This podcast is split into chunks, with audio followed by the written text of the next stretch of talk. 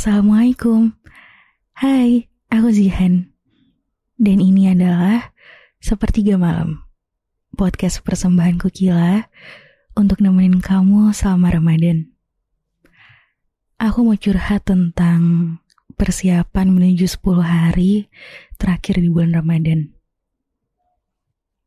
Gak kerasa banget ya? Perasaan baru aja kemarin kita siap-siap untuk puasa. Gak taunya, dalam waktu dekat ini udah harus siap-siap lagi untuk pisah sama bulan Ramadan. Jujur deh, kamu ngerasa sedih atau seneng? Sebagian orang mungkin ngerasa seneng karena semakin dekat dengan momen lebaran. Tapi gak sedikit juga yang justru ngerasa sedih karena bulan Ramadan yang istimewa ini bakal pergi dan kita belum tentu bisa ketemu lagi di tahun depan. Penyesalan karena belum ibadah secara maksimal pasti jadi hal yang ada di diri setiap orang. Apalagi untuk orang-orang yang sungguh-sungguh untuk nunggu Ramadan. Meskipun lebaran udah di depan mata, tapi hal kayak gini gak boleh bikin kita lengah. 10 hari terakhir adalah waktu di mana Rasulullah dulunya mengencangkan sabuk seerat-eratnya supaya lebih fokus beribadah. Seperti yang disebutin di hadis Bukhari ini. Bila memasuki 10 hari terakhir Ramadan, Rasulullah Shallallahu Alaihi Wasallam menyisingkan dengan baju, menghidupkan seluruh malamnya, dan membangunkan keluarga. Dalam hadis yang lain juga disebutin hal serupa, yaitu Rasulullah sangat bersungguh-sungguh beribadah pada 10 hari terakhir selama bulan Ramadan. Melebihi kesungguhan ibadahnya di selain malam-malam tersebut. Hadis riwayat Muslim. Nah, sebagai umat beliau, berarti kita juga harus ngikutin apa yang Rasul kerjain lebih sungguh-sungguh beribadah dibanding 20 hari terakhir sebelumnya. Jadi, jangan terlena dulu ya teman-teman.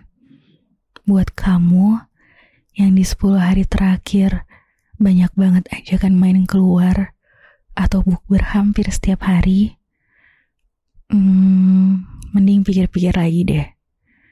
Mana kegiatan yang paling penting dan perlu kamu ikutin, dan mana kegiatan yang sebetulnya gak masalah kalau kamu gak ikut. Mungkin sempat terbesit di pikiran kamu, wah sayang banget nih kalau gak ikut bukber. Mana cuma setahun sekali kan. Tapi coba dipikirin lagi. Sebenarnya ketemu teman-teman itu bisa kapan aja. Makan bareng juga bisa kapan aja. Gak perlu harus nunggu momen Ramadan kok untuk silaturahmi. Tapi kalau ketemu dengan bulan Ramadan, apalagi 10 hari terakhir, nggak ada satupun orang yang bisa jamin bahwa kita akan melaluinya di tahun depan.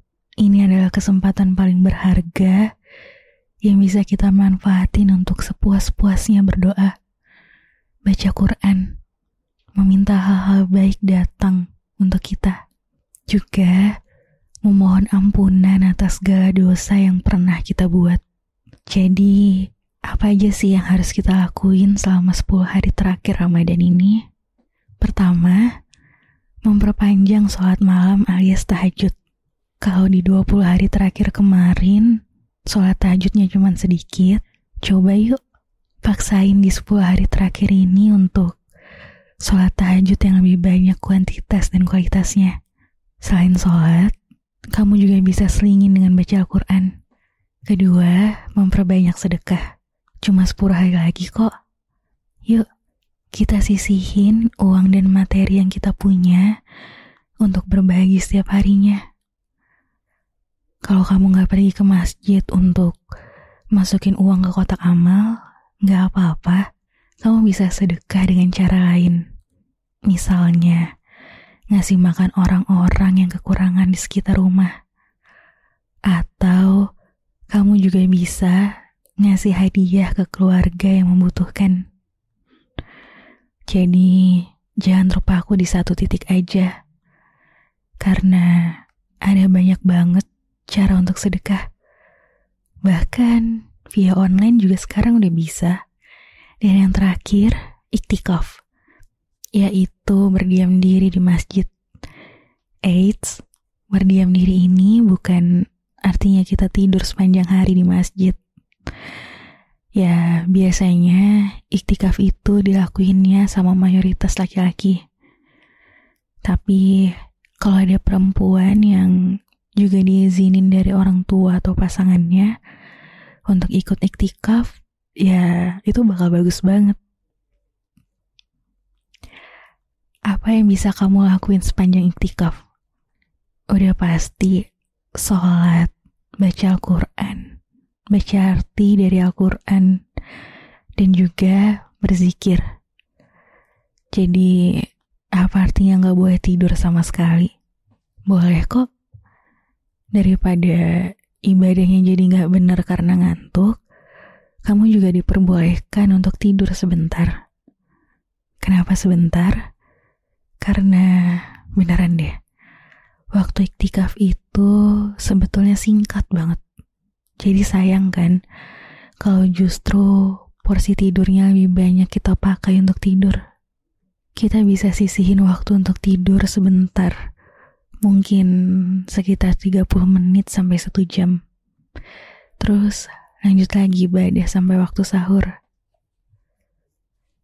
Tenang, kamu bakal punya waktunya untuk istirahat. Jangan khawatir. Ingat-ingat aja bahwa ini cuma sekali dalam satu tahun, dan tahun depan belum tentu keulang.